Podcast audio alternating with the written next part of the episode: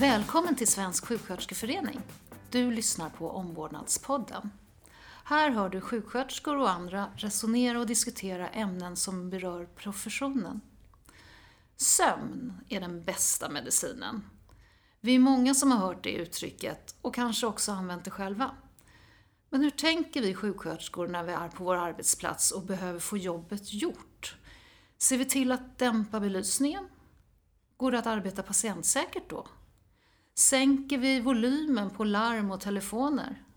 Är det patientsäkert? Ska individens behov av sömn påverka vår möjlighet att utföra vårt arbete? Idag ska vi prata om den livsviktiga sömnen. Jag heter Johanna Ulvarsson och arbetar för Svensk sjuksköterskeförening.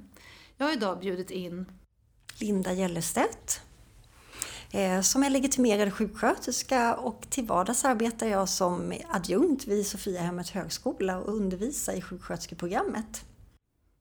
Och Kristina Sandlund och jag är legitimerad sjuksköterska och specialistsjuksköterska, distriktssköterska. Och jobbar på Akademiskt primärvårdscentrum i Stockholm och jobbar även på eh, Telefonplans vårdcentral som distriktssköterska. välkomna. Tack! Jag tänkte börja med att fråga dig Linda, vad är sömn egentligen? Ja, det är en stor fråga att öppna med. Dels så tänker jag att sömn är ett av människans grundläggande behov. Eh, men om man tittar biologiskt vad sömn är, så är sömn ett tillstånd av sänkt medvetandegrad, skulle man kunna enkelt säga. Och att det inte ska blandas ihop med någon form av medvetslöshet, för det är två helt olika saker. Rent fysiologiskt så händer det mycket saker i kroppen som förklarar vad sömn är. Att vi ändrar, kroppen anpassar sig efter att vi befinner oss i sömn. Till exempel genom att eh, blodtrycket sjunker, pulsen sjunker, vi andas långsammare. Eh, vi har också ser att immunförsvaret aktiveras under sömnen och till exempel återuppbyggande hormoner utsöndras till största del under sömn. Så det är väl mer vad sömn är biologiskt. Kristina? Jag skulle vilja till, till, tillägga också då att sömn är ju även en upplevelse. Vi upplever sömnen som god, återhämtande eller icke återhämtande och är orolig kan vi uppleva den som också. Så sömn är både ett funktionsmönster och en fysiologisk process Mm. och en upplevelse. Den är alla de sakerna. När du säger upplevelse, då funderar jag på, förändras sömn eh, över tid? Alltså, sover man olika när man är ung och när man är gammal? Och... Vi sover ju olika under olika delar av livet. Om man tittar på spädbarn och små barn så sover ju de väldigt mycket. Och eh, sover väldigt mycket av den här djup, viktiga djupa sömnen. Och eh, vuxna, eh, om man jämför vuxna och äldre så förändras ju sömnen också när man blir äldre. Att andelen djupsömn minskar och vi sover mer ytlig sömn och har mer uppvaknande när vi blir äldre. Sen sover vi också, eh, när vi sover förändras ju också över i olika ålders, eh, olika delar av livet. Till exempel barn sover ju, små barn sover ju skvättvis över hela dygnet och, och, och ungdomar har ju en förskjuten sömnfas då de gärna vill sova lite senare på kvällen och sova lite, lite längre på morgonen. Och äldre har ofta en, en framskjuten sömnfas då man blir trött lite tidigare på kvällen och vaknar tidigt på morgonen. Så att sömnen förändras under hela livet på väldigt många olika sätt. Finns det någon anledning till att eh, sömnen förändras på det här sättet? Jag tänkte någon biologisk eller överlevnad från stenåldern. Var det praktiskt att... Eh, ja, det, det, man, egentligen, det finns ju väldigt mycket teorier om det här med sömn. Egentligen vet man inte jättemycket. Och, eh, men det finns ju tankar kring det här att ja, men vad händer under sömnen? Tillväxthormon insöndras, eh, celler repareras och byggs upp, minnet eh, konsolideras och, och, och lagras. Och, och ja, barn eh, och ungdomar växer ju och det händer väldigt mycket och de utvecklas på olika sätt. Och sen när man blir äldre, ja, det är inte, sker ju inte en, en tillväxt och återuppbyggnad på samma sätt när man blir äldre. Och det gäller ju på många olika plan att det är på det viset. Kan man, i modern forskning, kan man se någonting, har det skett någon förändring eftersom vi blir äldre än vi någonsin har blivit tidigare? Eh, eller utjämnas sömnmönstret någonstans i 70-årsåldern? Jag vet inte. Ja, det är ju inte så att det blir bara sämre och sämre och sämre ju äldre man blir, utan någonstans vid, vid 70-årsåldern eh, så kan man se en viss typ av, efter 70 då, en viss typ av sömnmönster. Och det är egentligen sömnmönstret som förändras, inte så mycket sömn, hur mycket man behöver sova. Utan det är, man behöver sova kanske lite kortare när man blir äldre. Men framförallt är det det här sömnmönstret, att man sover mindre av den här djupa sömnen och, och mer av den ytliga sömnen. Du sa att sömn också var en upplevelse. Eh, eh förändras den upplevelsen eh, över i åldersgrupper eller är den helt kopplad till individen? Eh, det är ju kopplat till individen hur man upplever sin sömn för att eh, en person kan ju uppleva sömnen som god även om man vaknar eh, flera gånger per natt. Medan en annan, annan individ kan uppleva sömnen som, som orolig när man vaknar precis lika många gånger. Så det är ju kopplat till individen på det sättet. Att vi kan uppleva, vi upplever samma situation på olika sätt. Linda, när en person inte inte sover mm. ordentligt. Vad, vad händer då? Du, du berättade ju då rent eh, fysiologiskt om olika hormonutsöndring och så. Om man nu inte sover ordentligt? Ja, det skulle jag först egentligen skulle säga att idag finns det någon form av lite sömnstress i samhället i stort som jag tycker är viktig att beskriva. Som jag tror att Kristina också känner igen när du har träffat eh, personer i öppenvård som söker för sömnproblem. Att Sömn och sömnlöshet är väl ett område som verkligen skapar stress hos många. Och jag tror att det är för att när sömnen fungerar som den ska så lägger man inte så mycket tankar eller vikt vid sin sömn. Men det är först när man får problem med sömnen, då startar den här stressen. Och så har många lever efter devisen att man har hört att man ska sova åtta timmar per natt. Och om man inte gör det så ligger man och räknar timmarna. Jag skulle säga att stress är nog kanske den enskilt vad ska jag säga, mest försvårande faktorn för sömnlöshet eller eh, upplevelsen av sömnlöshet. Så jag tycker den är viktig att ha med sig. Eh, så att sömnlöshet skapar dessutom stress så det är, det är kanske den enskilt viktigaste faktorn som man kan se eh, effekter av att inte kunna sova bra. Då blir man stressad på olika sätt.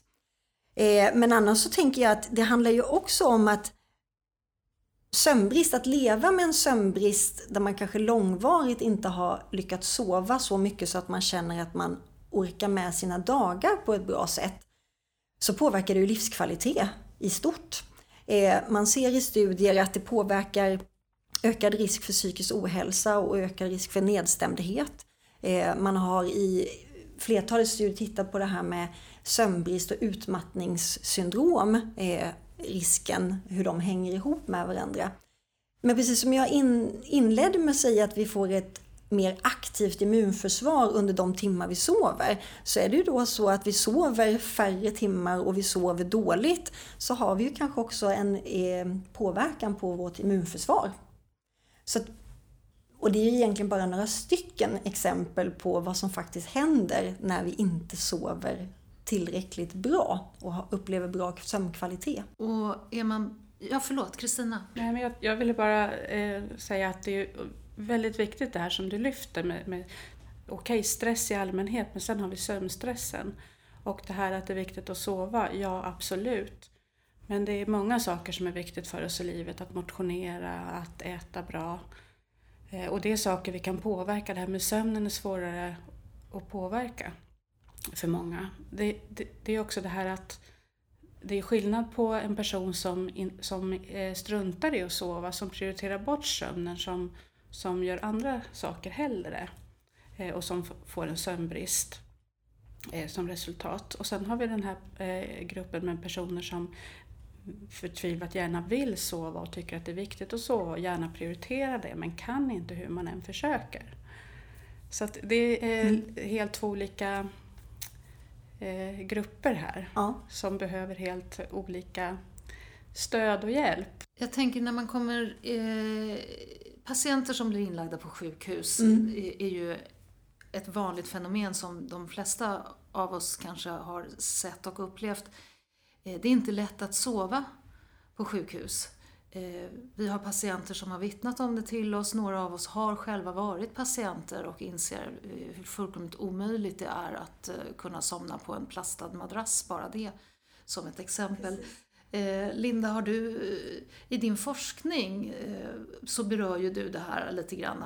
Hur, hur, hur tänker du kring patient, alltså är det någon gång man skulle behöva sova, tänker jag, så är det när man är sjuk. Definitivt. Och det är väl lite det egentligen som var upprinnelsen till min forskning var när jag hade arbetat natt under många år som sjuksköterska och insåg att vissa saker som visade sig hos en del patienter började jag förstå att det här är kopplat till att de inte sover ordentligt, att de har sömnbrist, att de blir nästan förtvivlade och stressade över att de inte kan sova och det spiller över på många av de andra delarna, upplevelse av smärta. För det visar också forskning att har man sovit lite så har man också en lägre smärttröskel. Eh, man har också lättare för att oroa sig och uppleva ångest över saker när man inte är utvilad.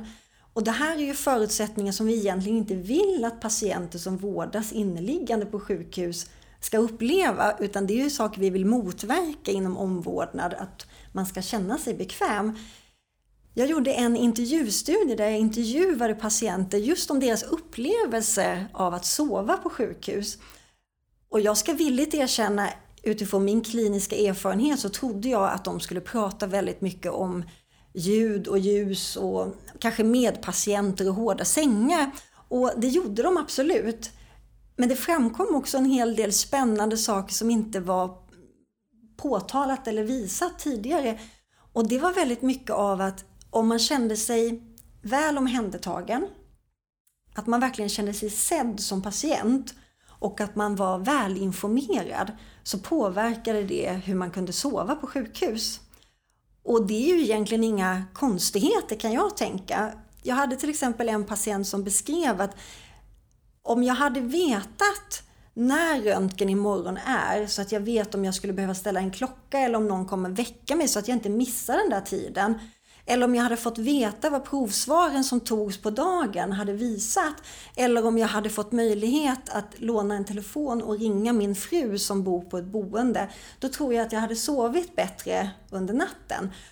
Och det blev väldigt slående för mig som var kliniskt verksam sjuksköterska då. Så tänkte jag att jobbar vi inte så. Men jag tror att det blev tydligt att om en patient känner sig trygg och väl omhändertagen och delaktig i sin vård så ökar man förutsättningarna att faktiskt kunna sova trots att miljön inte alltid inbjuder till det. Det, det är nog en av de vad ska jag säga, mest spännande sakerna i min forskningsstudie, just om patientens upplevelse av att sova på sjukhus. Mm. Eh, när jag läste eh, din studie så eh, reflekterade jag lite över mig själv också. När jag arbetat som kliniskt verksam sjuksköterska så eh, hände det sig att patienterna på morgonen eh, sa att de hade sovit otroligt dåligt. Eh, om jag då hade haft nattjänstgöring så hade jag ju varit och tittat till dem vid flertal tillfällen och varje gång jag tittade till dem så sov de, enligt min eh, uppfattning. Och jag fick ju lite sting av dåligt samvete då när jag läste om din forskning för att eh, någonstans så resulterar det där i att jag misstrodde patienten som berättade om sin upplevelse. Eh, jag skulle vilja gå tillbaka och göra om, kan jag säga. Eh, hur eh, eh, intervjuade du sjuksköterskor också? Och, eh, Precis, och jag kan inte låta bli, nu är det ju inte egentligen så roligt, men jag småler lite för det här är ett klassiskt exempel från en klinisk verklighet att många sjuksköterskor upplever att men den här patienten har sovit men han säger att han inte har sovit en blund. Vem har rätt? Mm. Eh, och det jag tänker, då pratar vi just om att sömn är en upplevelse och när en person säger att på morgonen, det känns som jag har inte sovit en enda blund. Dels kan man ju fysiologiskt kanske förklara att det kanske kännas som att man inte har sovit en blund för man kanske inte har sovit en stor del andel djupsömn. Man kanske har haft väldigt många uppvaknanden under natten som har gjort att även om du har sovit sex timmar så har de varit väldigt, väldigt upphackade och det gör att när man väl vaknar sen så känner man sig inte utsövd. Och jag tror att där kan nog många relatera till att vissa månader när klockan ringer så kan det kännas som att man måste dubbelkolla om den inte går fel. Kan det verkligen vara möjligt? För det känns som jag precis hade gått och lagt mig. Och, och det tror jag är en upplevelse som många patienter kan ha på sjukhus också. Nej men sen är det också det här att vi är ju, vi är ju mer, vi minns ju när vi är vakna, vi minns ju inte när vi sover. Och det i kombination med en oro och stress och rädsla över att inte sova förstärker gärna det här och, och vi, vi minns mer den här vakenheten, att det blir den känslan som tar över.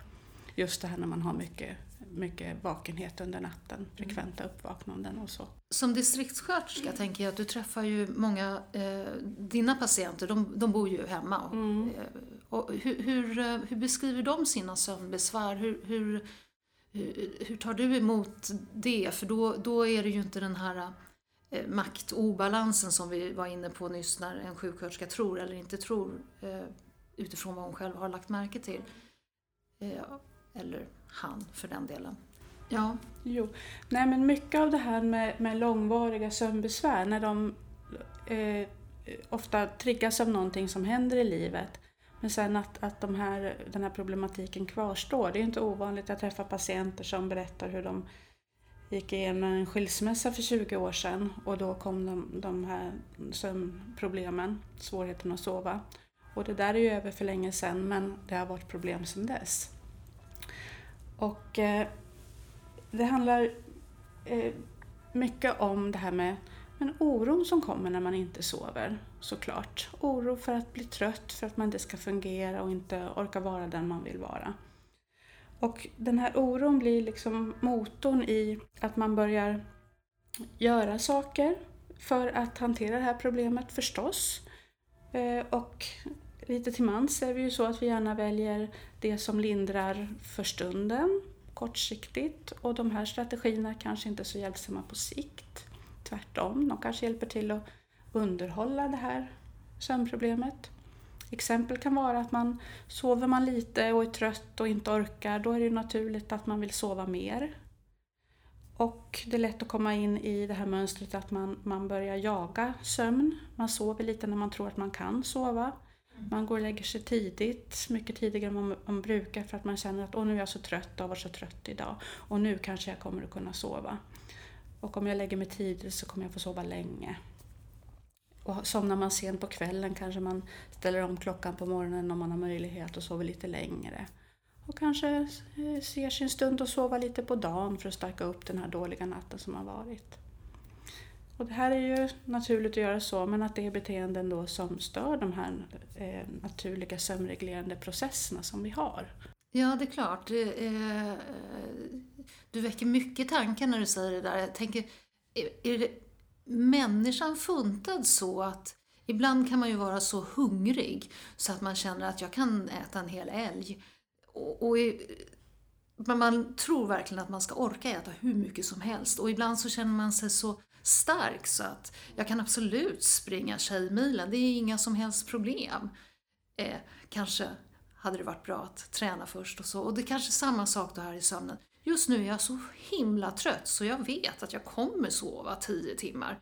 Att man är fullkomligt orealistisk i, i, i vad, vad, som egentligen händer. Är det liksom en mänsklig... Ja, det är en väldigt intressant reflektion. För just när det gäller sömn, då, då är, det, är det gärna den här känslan att ju mer desto bättre. Och är man riktigt trött så vill man bara få sova. Vilket man kanske inte kan då, just för att man lägger sig för tidigt. För att de viktiga faktorerna som, som reglerar hur, hur kvaliteten på sömnen blir och hur länge vi sover, det är hur länge vi har varit vakna. Och, och, det är lätt att tänka in den här dåliga natten då när man varit vaken väldigt mycket och sovit dåligt. Men det, det funkar tyvärr inte så, så för att hjärnan eh, är väldigt positiv till att tolka den här vilan man har i sängen som sömn. Så att den räknar inte riktigt det som vakenhet. Och så tycker man då att jag är så trött och har sovit så dåligt så att nu borde jag kunna sova. Men man har inte kanske varit vaken tillräckligt länge för att kunna få en bra sömn nästa natt, även om man är trött. Och där är det lätt att hamna i en ond cykel då, för då går man och lägger sig tidigt efter den här hemska dagen. Och så blir det en dålig natt igen, trots att man var så trött. Eh, och så kommer en ny dag som man är jättetrött. Och då tänker man att för att ta mig igenom den här dagen så måste jag sova lite på dagen. Ja, och då känns det lite skönare. Ja, men då har man förstört lite grann förutsättningarna för nästa natt och då blir den natten också dålig. Så att man kan tänka så här att just det här med, med eh, det här exemplet som du tog upp med mat och, och att känna sig så stark. Det, det, är ju det här att vi, man kan ju tänka, tänka på det som att vi har liksom en viss pott, pott med sömn. Eh, jag brukar likna det vid en gummisnodd. Att tänk att du har en gummisnodd som är en sån där 7-8 timmars gummisnodd som de allra flesta behöver sova då. Och så drar du ut den här gummisnodden till en lång 10 timmars gummisnodd. Det blir inte mer gummisnodd för att du drar i den. Den blir tunnare och den blir skörare och den blir sämre kvalitet och går lätt sönder. Och man kan tänka lite så kring sömnen också faktiskt. Mm. För vi, vi tar ju inte igen sömnbrist egentligen eh, genom att sova längre. Utan det finns ett eget system i våra kroppar som kompenserar för sömnbrist genom att vi sover mer effektivt i form av att vi sover mer, mer av den här djupsömnen. Gäller det samma eh, för när man är sjuk? Ja, nu finns det inte jättemycket studier kopplade just till sjukdom och sömnbrist, vilket egentligen är lite synd. Eh, eh det kanske kommer i framtiden. Eh, men jag tror precis som Kristina var inne på, det här med att man förskjuter sin sömnrytm genom att man försöker kompensera. Och jag brukar ge som exempel när jag föreläser för sjuksköterskestudenter om sömn för att man ska få någonting att känna igen sig i. Och det är ju till exempel om man på helgen, man är uppe lite senare på fredagen och så, ska man sova ut på, på lördagmorgonen och sen så kanske man går på en trevlig fest på lördagskvällen och sen kommer man hem ganska sent och det kan ju ha varit andra drycker än vatten inblandat kanske. Eh, och så sover man länge på söndagen och de flesta studenter brukar på söndag eftermiddag börja plocka ihop sina saker inför en ny vecka. Och nu ska jag gå och lägga mig tidigt ikväll så att jag är utvilad när jag ska gå på föreläsning på måndag morgon. Och då förväntar man sig att man ska kunna somna. Eh, men då har man ju som sagt var inte haft tillräckligt mycket vakenhet för att faktiskt få den här så kallade sömndriven att inträffa vid den här tidpunkten på söndagskvällen. Och då skapar det stress. Så vi är tillbaka till det här att och då brukar en del fråga mig, men ska man alltid gå och lägga sig samma tid och stiga upp samma tid? Ja, alltså, skulle jag egentligen vilja säga. För det är, det är ju det som forskning visar att det är gynnsamt att faktiskt ha regelbundenhet i sina... Och som en anekdot kan jag berätta att sen jag började fördjupa mig i det här med sömn och påverkan på sömn så har jag själv förändrat mitt sätt, till exempel under semestrar, under sommarsemestrar. Så stiger jag upp i nästan samma tid som jag brukar göra när jag går till jobbet resten av året. Och jag mår väldigt mycket bättre när jag kommer tillbaka till mitt arbete efter fem veckors semester. För att jag har liksom inte svårt att anpassa mig tillbaka till det här gamla vanliga och jag upplever mig inte vara trött under min semester. Men det kan ju te sig lite, lite tråkigt kanske. Jag skulle ändå vilja återföra eh, lite då till eh, den sjuka eh, patienten för att eh, det du nu ger som råd här är ju att man ska följa sitt naturliga sömnmönster.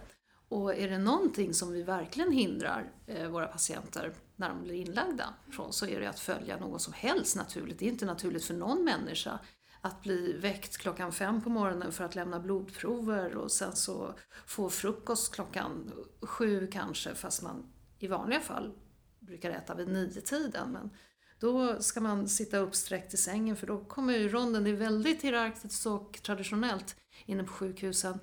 Så återigen, den sjuka mm. människan som vi någonstans tänker har ett ganska stort sömnbehov och för att må bra och kunna tillfriskna. Vad gör vi för att underlätta för den sjuka individen?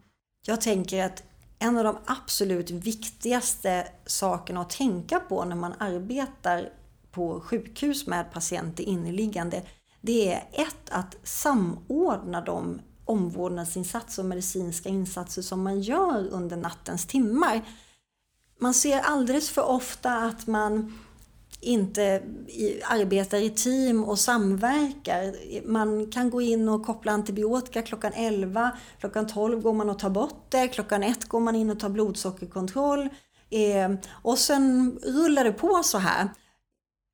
Sen är det ju så att vi ska inte sluta att utföra kontroller på natten. Det är verkligen inte det jag vill säga. Men jag säger att jag tror att vi skulle kunna samordna dem på ett mycket, mycket bättre sätt om vi är medvetna om att vi faktiskt arbetar under någon annan persons natt. Eh, och att visa sömnen en mycket större respekt än vad man faktiskt gör idag i dagens sjukvård. Inom akutsjukvård ser jag det väldigt tydligt. Och det kan ju handla om att man kanske kan ta det där blodsockret när man samtidigt kopplar antibiotika till exempel för att slippa väcka någon. Och det är lite här jag tänker att det är så viktigt för legitimerade sjuksköterskor att ha kunskap om sömnens fysiologi.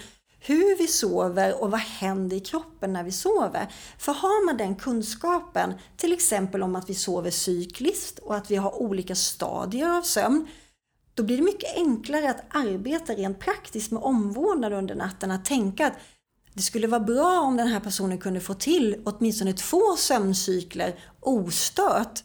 Kanske jag kan skjuta på den här kontrollen. Kanske jag kan eh, dra ner dropptakten så att droppet tar slut ungefär när jag ändå ska gå in och ta kontroller för vitala parametrar till exempel. Men det här kräver ju också att man har den kunskapen eh, och jag skulle säga att då blir det ju också än roligare att arbeta som sjuksköterska på natten när du ännu mer kan koppla omvårdnaden till vad som faktiskt händer under sömnen. Eh, jag hade ett tillfälle här för någon månad sedan att träffa patientrepresentanter för unga reumatiker var det. Och eh, då så sa eh, de att eh, ni sjuksköterskor, ni måste ta hand om er själva först innan ni kan ta hand om oss på ett bra sätt. Eh, det tycker jag var hur coolt som helst. Jag har inte tänkt på det tidigare. Det är lite grann när man flyger flygplan, ni vet. Sätt syrgasmasken på dig själv innan du hjälper andra. Självklart, eh, om inte vi mår bra så är det svårt för oss att vårda våra patienter.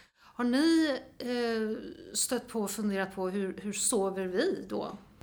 Många, många sjuksköterskor jobbar ju skift. Mm. Eh, och det är ju en sömnstörare för många. Det är väldigt olika hur, man, hur bra man klarar det men det, det, stör, det ställer till det här med sömnen för, för många faktiskt. På vilket sätt ställer det till det? Eh, att man inte eh, kan ha någon regelbunden dygnsrytm. Att man jobbar natt och, och sover på dagen. Och sömnen blir inte riktigt lika återhämtande när vi sover på dagen som på natten. Och sen det här ofta att det, att det är flerskift, att man eh, varvar natt och, och dag och kvällsjobb och ska försöka anpassa sig till det då. För då är det igen det här att ja, man kanske kan somna efter nattjobb för att man har varit vaken väldigt länge. Men att sova på dagen, då sover vi i obalans med vår inre dygnsrytm som är på uppgång eh, och full av aktivitet under dagen. Även om vi har varit vakna länge. Finns det några studier eh, på det här? Ja, det finns mycket studier om, eh, om just sjuksköterskor och skiftarbete. Mm. Jag skulle säga också av egen erfarenhet som har arbetat natt under många år så ser man ju också väldigt tydligt när man träffar kollegor som egentligen inte alls hade tänkt sig att de skulle jobba natt för att de har redan bekymmer av att sova normalt sett eh, och sen så tvingas man ju upp på till exempel treskiftstjänst och man måste göra de här nätterna trots att man faktiskt är egentligen kanske inte riktigt klarar av att ställa om. Och det tror jag är viktigt att beakta, även fast jag förstår att man i vissa kliniker eller vissa verksamheter så, så här ser våra scheman ut här. Men att man verkligen är eh, måna om när man gör scheman för skiftarbeten, att man tänker lite grann på hur dygnsrytmen ser ut så att det inte blir för tvära kast emellan och det här med faktiskt lediga dagar som bryter liksom från natt till dag. Så att det inte blir att man har gått av natt på tisdag morgon och på onsdag morgon ska du jobba klockan sju. Utan då, då kanske du ska jobba kväll istället. Eh, och det, jag tror att det är en viktig sak för, för eh, organisationen att tänka på eh, sjuksköterskornas arbetstider och precis som du säger eh, med de här unga reumatikerna som berättade om att vi behöver ta hand om oss själva. För ska man vara en välfungerande sjuksköterska under nattens timmar så behöver du själv ha sovit bra. Mm. För det handlar ju också om att sömnbrist kan ju faktiskt ge konsekvenser som att man har en nedsatt reaktionsförmåga, man eh, har en försämrad impulskontroll, eh, man har svårare att hantera flera saker samtidigt om man har sömnbrist till exempel. Och det är klart att man har en utsövd sjuksköterska som har sovit bra eh, kommer ju faktiskt att jobba bättre än en person som har sovit dåligt. Det, det, det är nog väldigt svårt att motbevisa på något sätt. Eh, när folk eh, hemma då sover dåligt, eh, i allmänhet oavsett om du är sjuksköterska eller om du är vem som helst eller patient, så eh, vad finns det för miljöfaktorer i hemmet som man ska tänka på? Eh, för att förbättra sin sömnkvalitet, tänker jag. Ja, det finns ju sådana här eh, allmänna råd eh, kring livsstils och miljöfaktorer och sömn. Som det finns mycket logik i framför allt, men egentligen inte mycket studier som visar att det har någon effekt. Men, men rent allmänt så säger man ju att mörkt och svalt i sovrummet och just det här med mörkt det är ju viktigt det här med, med att eh, vårt sömnhormon melatonin som hjälper oss att eh, komma ner i varv och sova gott under natten, det vill gärna trängas undan av ljus. Så därför är det viktigt, och kan vara, vara viktigt att ha det mörkt i sovrummet. Sen så pratar man ju om det här med eh, att ha det fritt och rent i sovrummet ifrån TV och datorer och och att sovrummet blir, blir associerat med sömn och vila och inte med massa andra saker. Och andra miljöfaktorer, det kanske inte är miljö, men koffein pratar man ju mycket om. Eh, att koffein är uppiggande. Men det är sånt där råd som det är väldigt individuellt hur vi svarar på, på koffein. Mm, jag har förstått det. En del vill ju ha en kopp kaffe ja, med, med mjölk till sista. Ja, så att många av de där råden som handlar om miljö och livsstilsfaktorer, de är ju väldigt individuella och fungerar egentligen mer som så allmänna folkbildande råd.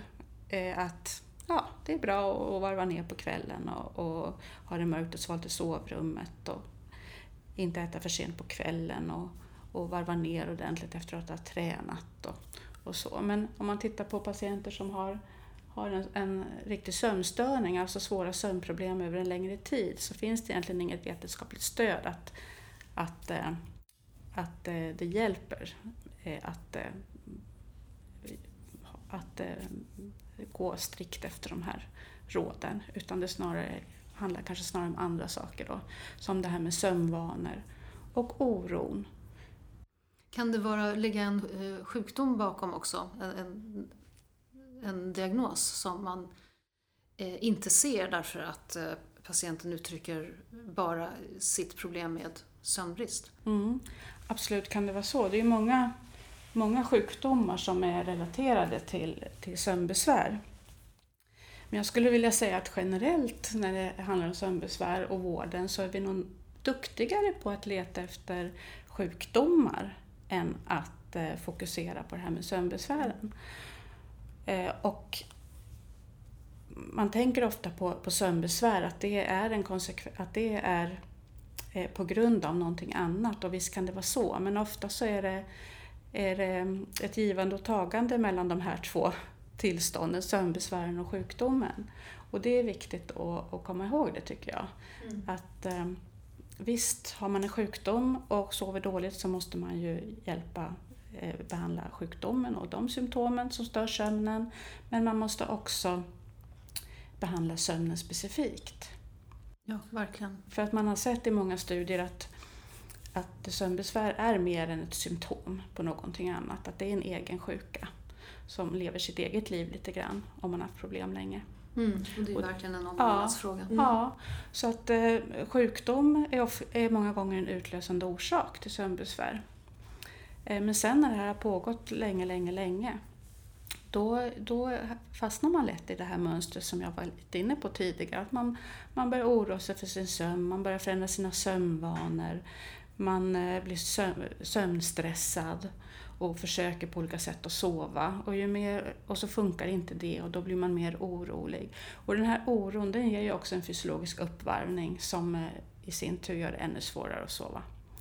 Så att, nej, svaret på din fråga är att absolut andra sjukdomar, men glöm inte bort att eh, långvariga sömnbesvär är en egen sjuka som behöver egen uppmärksamhet också. Mm. Jag tänkte på det här när vi pratade miljöfaktorer, alltså vad är viktigt för att tänka på miljön och på sjukhus så är det ju precis som vi var inne på. Det är lite av en utopi, vi kommer aldrig kunna skapa det perfekta sovrummet på, i en sjukhusmiljö. Men det finns ju små saker som jag tror kan göra ganska stor skillnad i att vi bara är medvetna om det. Jag brukar ge som råd att man går ljud och ljusronder på sin egen vårdavdelning. För vi blir ju väldigt hemmablinda i vad det är som låter på avdelningen egentligen. Och faktiskt ifrågasätta om det måste låta. Och nu pratar inte jag om infusionspumpar där vi ska stänga av larmet, absolut inte. Men jag har ett exempel, är till exempel eh, personaltoaletten som oftast är försedd med ett kodlås som piper för varje siffra som man trycker, vilket naturligtvis inte behöver pipa, men det gör det. Och jag roade mig med under något nattpass att räkna hur många gånger jag under mitt nattpass hörde att det pep från personaltoaletten. Och det var väldigt många gånger. Och ligger man då på den här salen som ligger ganska nära patient, eh, personaltoaletten så kan ju bara det vara ett sömnstörande moment som förstör sömnen för två patienter under flera nätter. Så jag tror att det handlar om att som sjuksköterska att jobba aktivt med omvårdnad och sömn handlar inte om att revolutionera och att bygga om och att nyskapa miljön men att börja bli medveten om de här små detaljerna. För plockar vi ihop dem i en lite större hög och åtgärdar till exempel dörrar som inte är självstängande utan de slår igen x antal gånger under natten Ljus som inte går att dämpa eller dimma eller släcka ner helt till exempel. Eller larm från personaltoaletter och sådana här saker. Lägger man de smågrejerna i en hög så kanske det är 10% av den sömnstörande faktorn för en patients natt. Och kan vi få bort 10-20% då kanske vi har ökat sannolikheten att fler patienter faktiskt kan sova lite mer sammanhängande eh, under natten. Så jag tror att vi ska inte som sjuksköterskor känna att vi ska förändra allt för att de ska kunna sova. Men det handlar väldigt mycket om egen medvetenhet. Att börja tänka att sömn är ju ett av våra grundläggande behov. Och på det sättet så är det ju faktiskt grundläggande omvårdnad att också agera på patienters sömn och inte behandla det som ett vakuum som det tyvärr idag lite grann är ibland. Att man glömmer bort det, man tar det för givet. Jag tänkte börja runda av eh, vårt jätte, jättetrevliga samtal. Eh, men eh, som avslutning, har ni några historier? Någon worst case scenario eller best case scenario? Då får jag väl återkoppla till det här med vårdmiljön. för att eh, På en avdelning som jag arbetade natt så fick vi bestämt från högre ort, om man kan uttrycka det så, att vi skulle vi som arbetade på natten skulle rengöra alla silar i samtliga sköljar på vårdavdelningen. Och det vet alla som jobbar på en vårdavdelning att de här spolon som vi kör stålbytter i låter ganska mycket. Så under natten brukar jag ju försöka undvika att köra dem, kanske vänta tills på morgonen och köra om det går. Men att börja rota efter den här silen och börja diska och slamra in i det här metallrummet och sen köra spolon två gånger som krävs när man har rengjort silen och göra det på samtliga. Och det skulle utföras någon gång mellan tre och fem när de förmodade tyckte att vi hade det lite lugnare under natten. Och jag minns att jag eh, fick ett eh, stresspåslag bara jag läste den här lappen som låg i mitt eh, brevfack som sjuksköterska på avdelningen och blev väldigt, väldigt upprörd för då tänkte jag att det här är bara ett tecken på varför jag behöver fortsätta forska om det här. För de har inte förstått att patienternas sömn måste ju gå före och att rengöra silarna det är ju kanske en arbetsuppgift man gör dagtid när det är liv och rörelse i övrigt. Jag tänker att det är bara ett slående exempel på att man har glömt bort patienters sömn när de vårdas på sjukhus. Verkar ha glömt bort patienten helt och hållet. Ja. En störande faktor. Ja. Kristina? Ja, nej men jag har ju, några skräckexempel kommer jag inte på och eh, goda exempel har jag ju så många faktiskt. Och, och jag träffar ju många patienter som, på vårdcentralen då, som har haft problem så länge och svåra problem och provat olika läkemedel och kombinerat olika läkemedel och känner att det här påverkar livet så mycket. Men med ganska enkla medel då, som handlar om kunskap och att få konkreta strategier, att så här och så här kan du göra. Eh, bli, go bli godsovare med, ganska snabbt, vi pratar några veckor. Eh, så att ett sådant svårt problem så, som många har levt med länge, det finns eh, väldigt många bra sätt att komma till rätta med det. Men, men Eh, de, man kan behöva vägledning och stöd faktiskt i. För att det är svårt på egen hand att hitta rätt. Vad roligt och vad glädjande att höra att det faktiskt finns eh, förhållandevis snabba lösningar när man väl lyfter på, på eh, stenarna och ser. Mm. Och, och eh, träffar en klok och kunnig sjuksköterska som eh, eh, vet vad hon pratar om.